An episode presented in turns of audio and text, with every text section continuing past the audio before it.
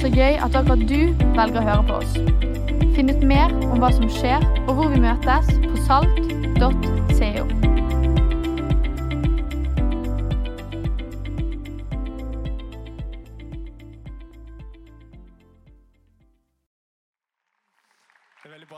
elsker oss, men for en mann! For en mann! Du vet, det som er så sykt, Han er jo fra Moi. sant? Og Det er helt sjukt mye eh, liksom, ungdomsledere og pastorer og sånt der er fra Moi. Altså, det, over Hver eneste by og bygd i hele Norge så er det to ting. Det er en eh, kinarestaurant og en ungdomsleder fra Moi. Det er helt vilt! De er overalt! Men veldig gøy å få lov å være her. Eh, Jeg heter Thomas. For de som ikke kjenner meg, eh, så er jeg gift med ei sykt eh, nice ei som heter Karoline. Vi har vært sammen i 14 år og har vært gift i ni av de årene. Og ja, vi gifta oss når vi var 13 år, for de som lurte.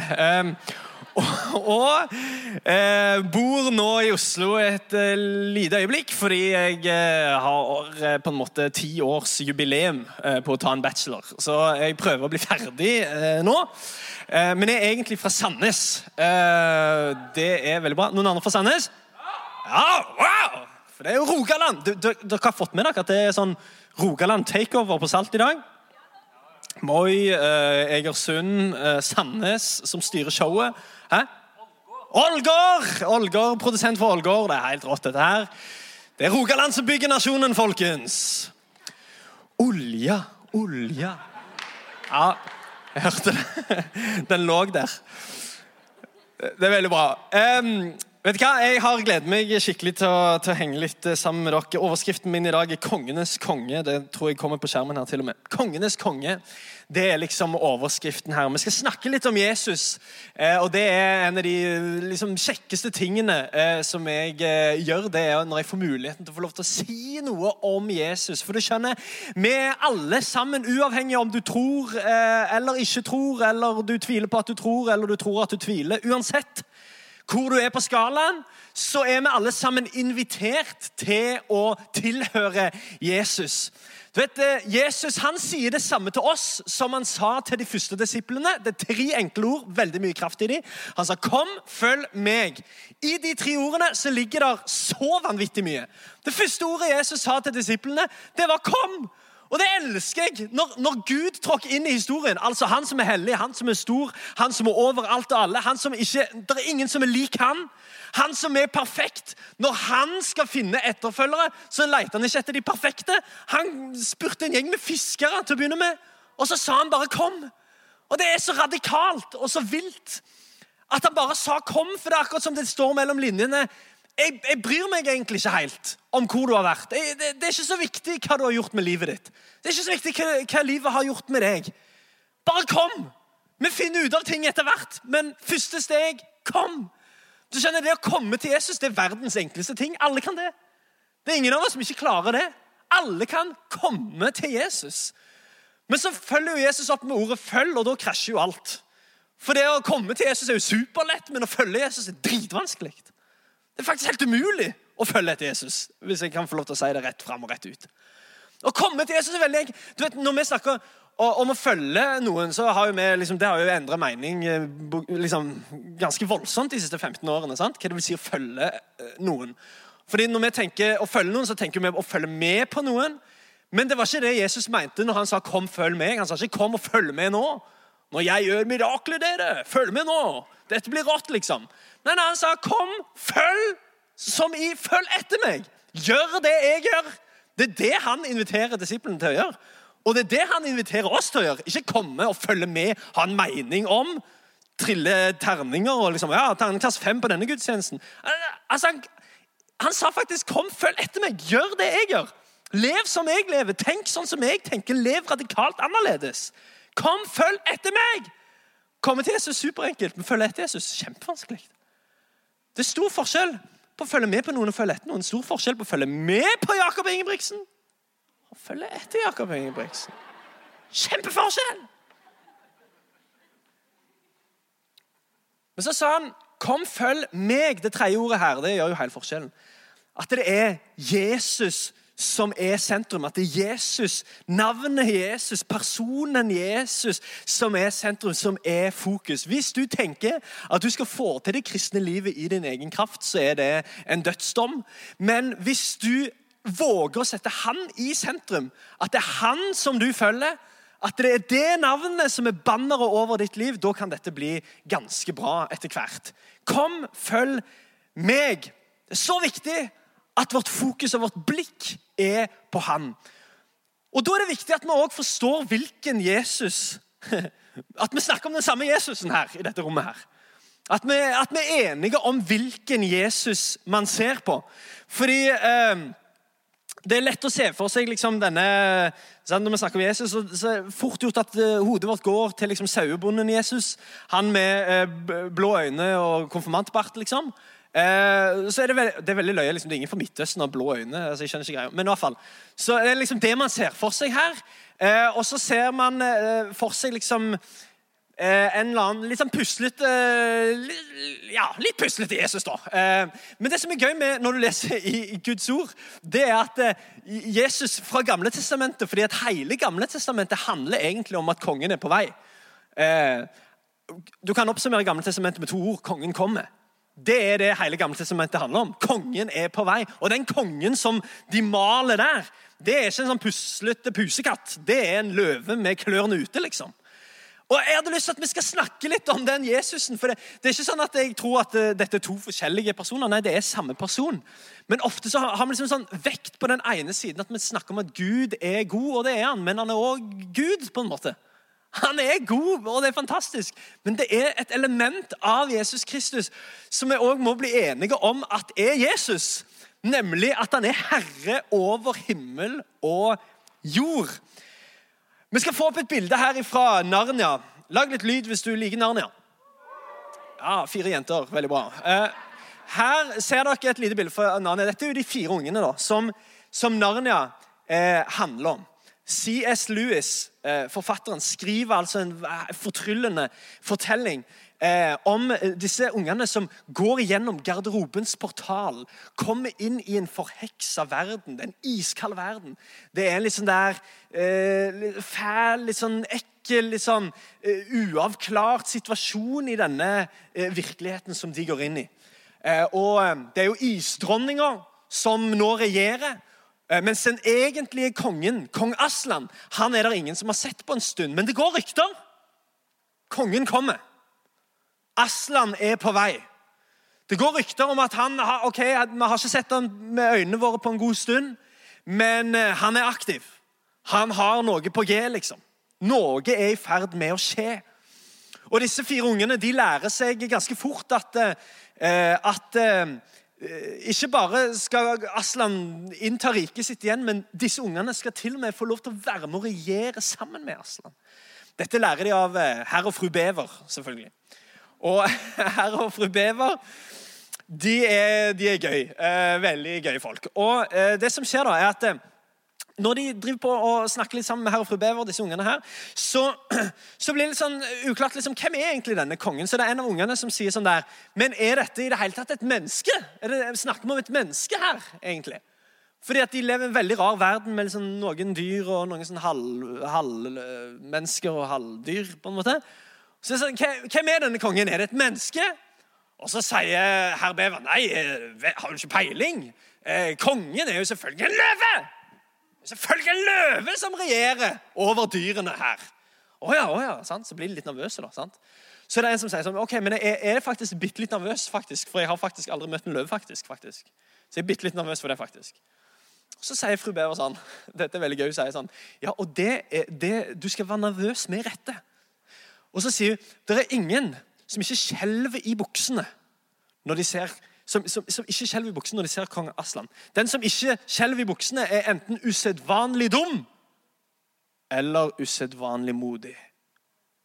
Og Da blir du enda mer nervøs, ikke sant? Og Da spør Lucy, lille, lille jenta der, men er løven trygg? Er løven trygg? Og Da sier herr Bever, trygg? Hvem har sagt noe om å være trygg? Det er jo en løve. Men det er en god løve. Hvem har sagt noe om å være trygg? Det er jo en løve det er snakk om. Men det er en god løve. Det å være en kristen, det handler om å tro på, tilhøre og tjene en god konge. Det handler om å tro på, det handler om å tilhøre, det handler om å tjene en god konge.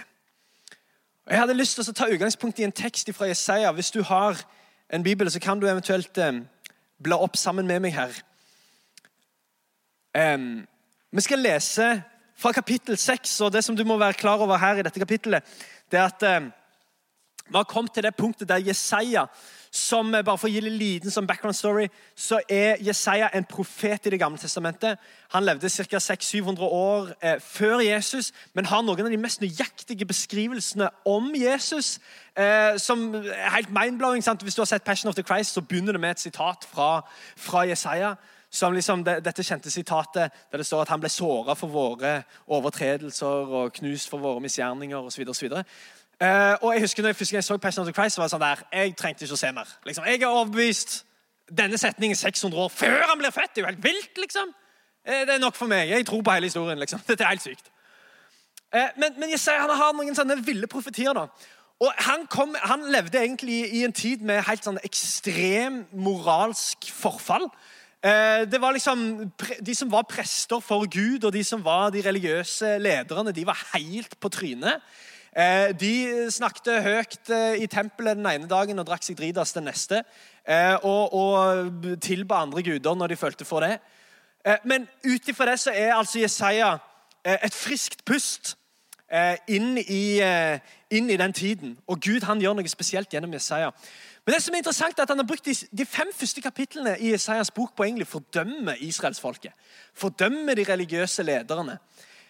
Men så kommer han til kapittel seks. Og Da forteller han sin egen historie, og da endres på en måte eh, lyden litt. Så la oss lese. Det kommer på skjermen her. Så skal vi trekke noen gode poenger etter hvert. Går det greit? Dere henger med? Så bra. Jeg har skrevet en bok, forresten.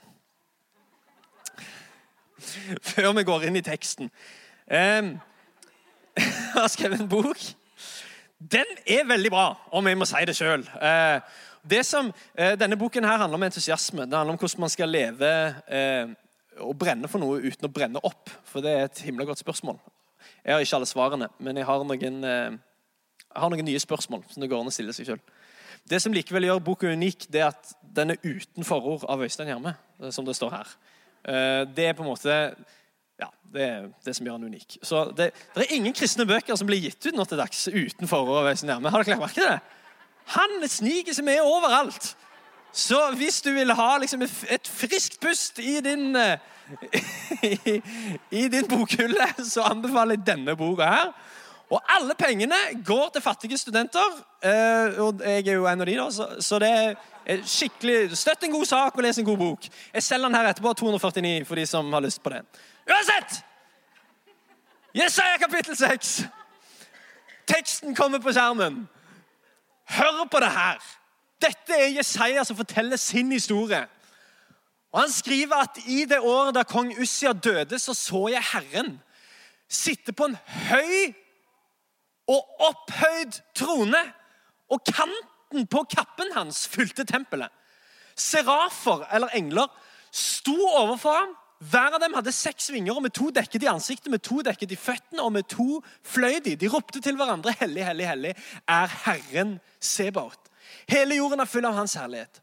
Røsten hør på det her, røsten som ropte, fikk boltene i dørtersklene til å riste, og huset ble fylt av røyk videre, så står det da sa jeg ved meg der ute med meg. For jeg er en mann med urene lepper, og jeg bor i et folk med urene lepper, og mine øyne har sett kongen. Herren over herskarene. Da fløy en av serafene bort til meg. I hånden hadde han en glo som han hadde tatt med en tang fra alteret, og med den rørte han ved munnen min og sa, Se, denne har rørt ved leppene dine. Din skyld er tatt bort, og din synd er sonet. Da hørte jeg Herrens røst. Han sa, Hvem skal jeg sende, og hvem vil gå for oss? Jeg sa, Jeg, send meg. Spesiell historie. intens historie. Denne Jesaja, som hadde brukt hele eh, liksom sin tjeneste fram til nå på å fordømme israelsfolket. Plutselig så står han ansikt til ansikt med kongen. Og så plutselig så ser han seg sjøl i et annet lys. Plutselig så, så innser han at det, det, er bare, det, er jo ikke bare, alle andre som er et problem. Jeg er en del av problemet. Jeg har tre punkter som du må få med deg. Det første er at når du ser kongen, så ser du deg sjøl. Når du ser kongen, så ser du ikke bare han, men du ser òg deg sjøl. Plutselig så befinner han seg ansikt til ansikt med kongen. Hvem er det Jesaja ser her? Bare for å liksom ta det helt ned. Hvem er det Jesaja ser? De fleste bibelkommentatorer mener at Jesaja er vitne til en slags preinkarnert versjon av Jesus. Han får lov til å se Jesus her med egne øyne. Han får lov til å stå ansikt til ansikt med kongen. Det står at han er på en høy og opphøyd trone. En høy og opphøyd trone. Når denne personen snakker, så rister det i dørtersklene. Og huset eller tempelet blir fullt av røyk. Det elsker lys- og lydeffekter som følger denne, denne kongen. Huset ble fylt av og Det står 'kanten på kappen fyller tempelet'. Eh, det er en rar tanke. jeg vet ikke om du klarer å se det for deg. Det er vanskelig å se for seg. Kanten på kappen fyller tempelet. Hva er, det, hva, er det for noe? Hva betyr det? Kanten på kappen fyller hele tempelet. Altså, Da snakker vi en høy og opphøyd Gud her. Der, der bare kanten på kappen fyller Altså, Se for deg, hvis dette er et tempel Hvis bare kanten på kappen til en eller annen konge som var ute forbi her, fylte forum så har vi ok, Det er en big deal, Gud, og jeg tror tempelet var litt større enn forum. Så kanten på kappen fyller tempelet. Når hører vi ellers om kanten på kappen? Jo, vi hører det i Lukas 8. Når Jesus går gjennom byen, og det er ei dame som har hatt en blodsykdom i tolv år, som var blitt utstøtt fra samfunnet, utstøtt fra gjengen, hadde ikke tilgang lenger på synagogen, kunne ikke gå der fordi hun hadde denne blod, blodsykdommen. Hun var urein. Og, og, bare hvis hun var borti denne dama, så var du sjøl urein ut dagen. Så klart hennes sosiale sirkel var veldig liten. Kanskje så hadde du hørt denne historien om Jesaja. Kanskje så hadde hun båret på det i sitt hjerte at bare kanten på kappen Kraft i kanten på kappen. Det er nok til å fylle tempelet med Guds nærvær. Og så elsker jeg den historien fra Lukas 8 når, når denne dama hører om Jesus. og Hun klatrer seg liksom forbi folk. Tar på folk. Det skal hun jo ikke gjøre. Men hun gjorde det likevel. Hun kaster seg over Jesus og hun tar på kanten på kappen. Hva er det som skjer når hun tar på kanten på kappen? Hele hennes situasjon imploderer i et millisekund. Hun blir frisk sånn. Og Jesus sier, 'Hvem var det som tok på meg?' Jeg kjente en kraft som gikk ut for meg. Kanten på kappen. Altså, når, når, når bare kanten på kappen er nok til å helbrede noen. Sant? Da skjønner du hvem du har med å gjøre. Kanten på kappen fylte tempelet. Og vet du hva? Det som er så sykt Når Jesaja ser denne kongen, så begynner han òg å se seg sjøl annerledes. For plutselig så sier han 'ved meg'. Det er ute med meg.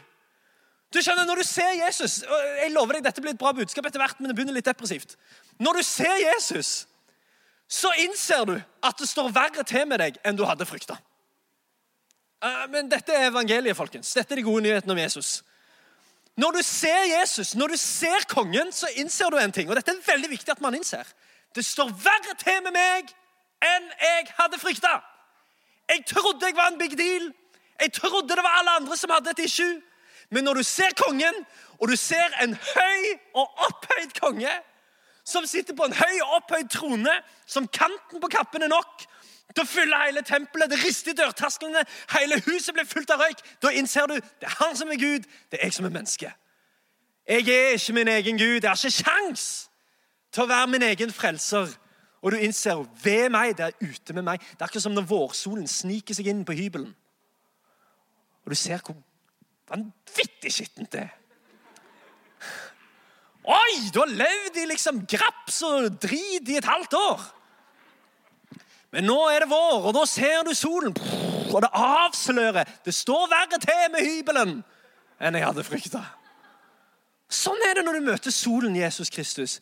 Det, og dette, dette, er avgjørende. At vi forstår, det, det, det, er litt ubehagelig å møte Jesus. Jeg tror det. Noen ganger. det er litt ubehagelig å være på, sånn er det for meg, det er litt ubehagelig å være på gudstjeneste noen ganger. For Den hellige ånd vil alltid pirke i meg og si hei, det fins mer for deg. Når skal, skal, vi gjøre noe? Når vil du samarbeide med meg om å bli kvitt den der driten i livet ditt? Det fins mer for deg. Hør, dette, det, det, er veldig viktig at vi forstår forskjellen på Den hellige ånd og djevelen. Den Djevelen sier, djevelen han peker på ting fra fortida di. Hele veien sier du kan ikke bli noe, du er ingenting. Du er bare full av synd, du er bare full av graps. Det sier djevelen. Den hellige ånd peker framover og sier hei, det fins mer for deg. det finnes mer for deg, det finnes mer for deg, det finnes mer for deg. det finnes mer for deg. Når skal vi og deg begynne å samarbeide om å bli kvitt de der tingene som holder deg fast i fortida di? Det fins mer for deg. Men begge deler kan være litt ubehagelig når du hører det. Så når du ser kongen, så ser du deg sjøl ved meg der ute med meg. I blikket på kongen så får han òg et nytt blikk på seg sjøl. Åndelig sunnhet, folkens, det er når du innser at du er en del av problemet. Du er ikke åndelig intelligent av å, av å gjenkjenne andre sin synd. Alle kan gjøre det. Du er, ånd, du er, på en god plass åndelig sett når du innser at jeg er en del av problemet. Jeg trenger frelse, jeg trenger nåde, jeg trenger forsoning, jeg trenger tilgivelse. Jeg har dritt i mitt liv som Jesus trenger å berøre. Men den andre tingen som eh, jeg vil du skal ta med deg fra teksten, det er at eh, en berøring fra kongen setter deg fri. En, berøring fra kongen setter deg fri. Det som skjer i denne historien med Isaiah, det er at det er en av englene som tar en, en, eh, tar en glo fra alteret. Og så plasserer han den, eller toucher borti leppene til Jesaja. Det som han skamma seg mest over. Husker du det? Han sa det er ute med meg, for jeg bor i et folk blant ureine lepper, og jeg har sjøl ureine lepper. Men det han skamma seg mest over, det var det Gud var ivrigst i å berøre og gjøre nytt. En berøring fra kongen setter deg fri. Du vet, Foran en dommer Hvis du, hvis du bekjenner din synd foran en dommer, hvis du bekjenner liksom, det du har gjort galt foran dommer i en rettssak, ja, da får du selvfølgelig straff og, og, konsekvenser. Men når du bekjenner din synd, og når du bekjenner det du har gjort galt foran kongen, kongenes konge, da leder det til frihet. Det leder til nytt liv. Dette er avgjørende. Konsekvensen av Jesaja sin synsbekjennelse altså, Hvis at Jesaja bare sto der og sa oi, eller sprang vekk, eller hvis han bare prøvde å liksom, overbevise Gud om at jeg er egentlig en uh, cirka god fyr liksom. Jeg er, du, jeg er iallfall mye bedre enn de andre her i Israel. liksom. Nei, nei, men, men fordi at han var sårbar, fordi at han var villig, fordi at han så jeg en del av problemet. Jeg, jeg har ikke sjans i, i, i å liksom hanskes med denne guden. Og var åpen og villig, så fikk han nytt liv og frihet. Som en slags byttehandel her. Skjønner Gud kan jo ikke gjøre en dritt med din prestasjon. Hvis du går foran Gud og sier 'Hei, se hvor flink jeg har vært', og så sier Gud ja vel, tipp topp tommel opp. Men hva skal han med det? Men hvis du kommer til Gud med din svakhet, med din synd, med dine feil, med dine mangler og sier 'se her', så sier Gud fantastisk, her, nå, kan vi, nå, kan vi, samarbeide. Nå kan vi byttehandle. Jeg tar din synd, du får min frihet. Jeg tar dine feil, du får min tilgivelse. Jeg tar dine problemer, du får nytt liv av meg. Åh, det er så kraftfullt når vi lar kongen få lov til å berøre oss tredje tingen Bandet kan gjøre seg klar her. Men den tredje tingen som du må ha med deg denne søndagskvelden, det er at frykt for kongen posisjonerer deg til å aldri frykte igjen. Frykt for kongen posisjonerer deg til å aldri frykte igjen. Og når, når jeg sier frykt, da tenker jeg ikke på eh, eh liksom Åsmund når vi ser på skrekkfilm. Eh, da, da er det, ikke den, det er ikke den frykten jeg snakker om. Det, liksom, du er livredd for livet ditt. Da tenker jeg på ærefrykten. Der du anerkjenner at Gud er Gud, og der du anerkjenner at du er du. Og at det er noe i størrelsesforholdet her som gjør at jeg, lar du få lov til å avgjøre. Jeg lar du få definisjonsmakten. For det er du som er konge, og det er jeg som er menneske. Det handler ikke om at vi skal gå rundt og leve i redsel og frykt. Det er ikke det. De, de gode nyhetene om Jesus er ikke det. For han har tatt vår plass. Og Alt er ferdig, alt er gjort opp. Vi kan, vi kan gå med rak rygg og med, med et hode som er heva i, i, Guds nærvær. Men likevel så er det noe med å, å, å anerkjenne at det er han som er Gud, og at det er jeg som er menneske.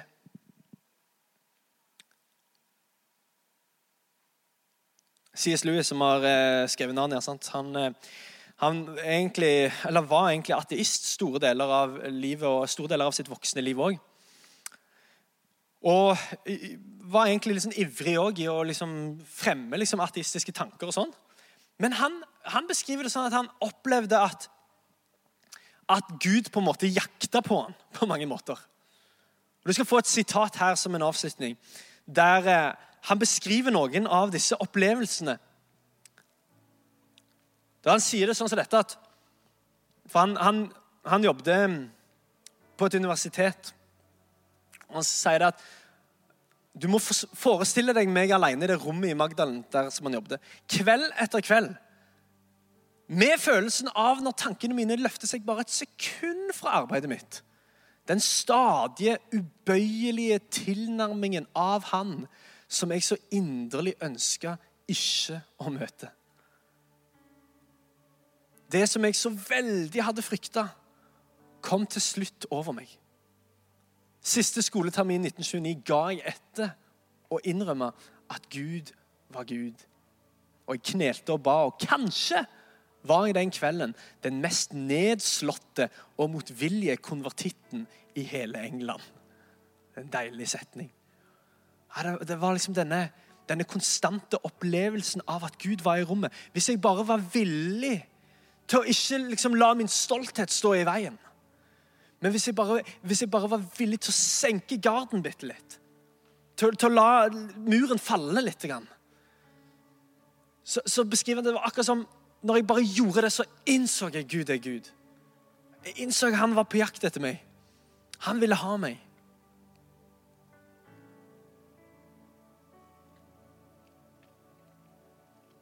Guds nærvær er egentlig ganske ubehagelig hvis du har tenkt å tviholde på din stolthet.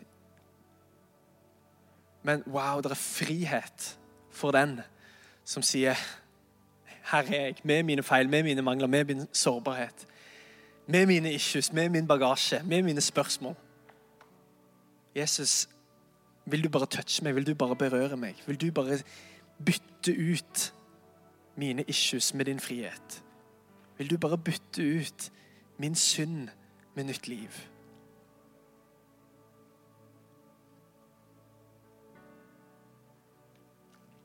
Vi skal øyeblikk synge sammen, men jeg har lyst til å gi en oppmuntring til deg, eller egentlig en utfordring til deg, som er her som Kanskje så har du ikke tenkt på det på den måten, men, eh, men nå tenker du på det. At jeg har egentlig drevet på og tviholdt på min stolthet. Jeg har vært mer stolt over hvem jeg allerede er, enn hvem jeg kan bli ved Guds nåde. Jeg har vært mer stolt over hva jeg allerede vet, enn hva jeg kan forstå ved Guds nåde i hva jeg allerede kan, enn hva jeg kan lære ved Guds nåde. Og du innser at i dag så trenger jeg å åpne opp hjertet mitt. I dag så trenger jeg å la muren falle. I dag så trenger jeg å bytte ut min stolthet med det som han har for meg. Og la kongen få lov til å flytte inn og ta bolig i deg og gjøre deg ny. Du Skjønner, Jesus han er ikke i businessen av å korrigere mennesker. Han er i businessen av å transformere mennesker. Gjøre mennesker nye. Gjøre hjerter nye. Forvandle deg til å bli alt det som han har kalt deg til å være. Så det vi skal gjøre, bare en veldig sånn konkret ting. Vi, vi lukker øynene alle sammen, bare sånn, bare for å gjøre det et litt sånn personlig til et personlig øyeblikk og til et hellig øyeblikk.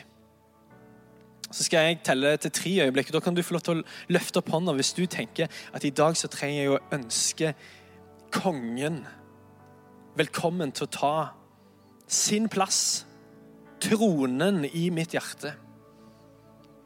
Enten det er første gang du tar en sånn bestemmelse, eller du av en eller annen grunn har sleida vekk fra Jesus, og du trenger bare å komme tilbake igjen og trenger bare å bekjenne på ny og si at 'jeg trenger deg, jeg trenger det du har for meg'.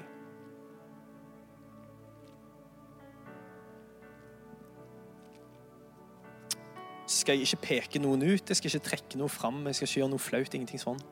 Jeg bare vil at dette skal være konkret for deg.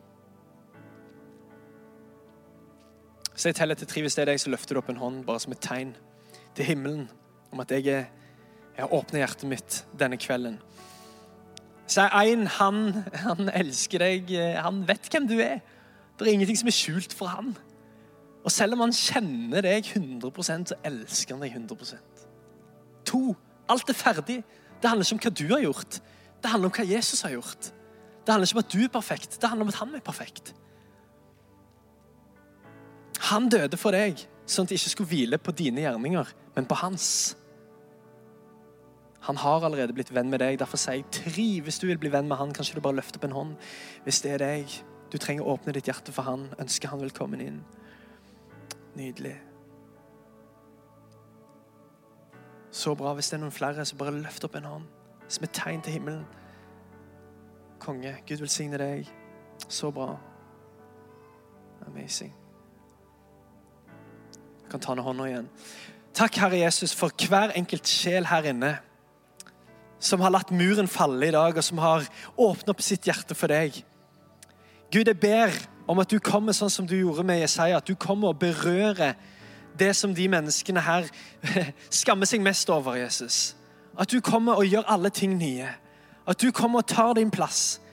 Ikke bare for de som har løftet opp en hånd i været, men alle som har ydmyke hjerter denne kvelden. Og som åpner sitt hjerte for deg, og som lengter etter mer av deg, Jesus. Kom. Kom og ta din plass. Kom og gjør det som du vil gjøre. Jesus, vi gir deg dette rommet. Vi gir deg denne kvelden, Herre, i det vi lovsynger deg og tilber deg. Kom med din ånd. Kom og berør hver enkelt en. Herre, jeg ber om at det skal være frihet i det rommet her. Jeg ber om at det skal være frelse i dette rommet her. Jeg ber om at det skal være helbredelse i dette rommet her. Kom, Jesus. Vi setter deg på tronen. Dette er din menighet. Vi er dine barn. Vi er dine tjenere. Vi er dine venner.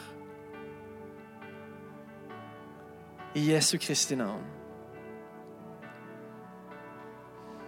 Amen. Skal vi reise oss, folkens? Og så kommer lovsangsteamet her til å lede oss i noen låter. Jeg vil oppmuntre deg til å fortsette å være i denne tilbedelsen, til å fortsette å løfte opp.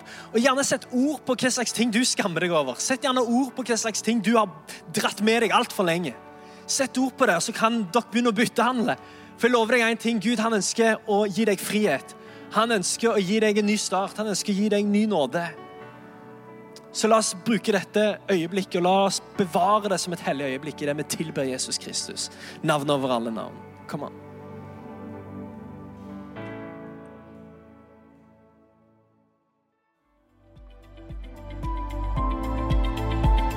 Takk for at du hørte på. Håper vi snakkes enten her eller i kirken neste søndag. Ha en nydelig